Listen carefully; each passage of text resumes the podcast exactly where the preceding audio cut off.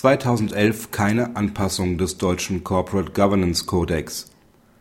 Die Regierungskommission Deutscher Corporate Governance Kodex hat beschlossen, in diesem Jahr keine Änderungen am Kodex vorzunehmen.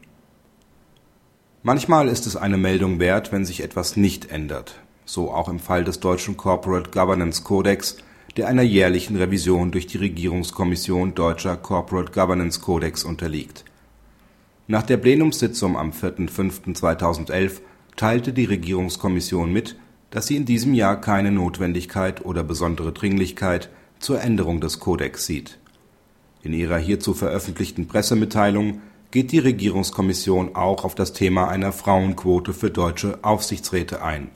Aus ihrer Sicht ist es wichtig, dass den börsennotierten Unternehmen ein angemessener, realitätsnaher Zeitraum zur Umsetzung neuer Regelungen eingeräumt wird bevor ein Urteil über Erfolg oder Misserfolg getroffen und neue gesetzliche Regeln für börsennotierte Unternehmen gefordert werden.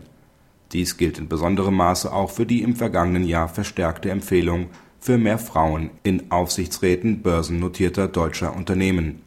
Es war insbesondere diese im vergangenen Jahr verstärkte Empfehlung für mehr Frauen in Aufsichtsräten, mit der sich die Kommission zum Teil harsch vorgebrachte Kritik zu ihrer in Kamera ausgeübten Tätigkeit einhandelte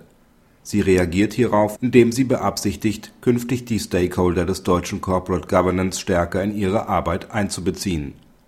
Beabsichtigte Änderungen sollen künftig auf der Website der Regierungskommission veröffentlicht und die interessierte Öffentlichkeit zur Stellungnahme innerhalb einer angemessenen Frist eingeladen werden, was sodann in die Beratungen der Kommission mit einbezogen werden soll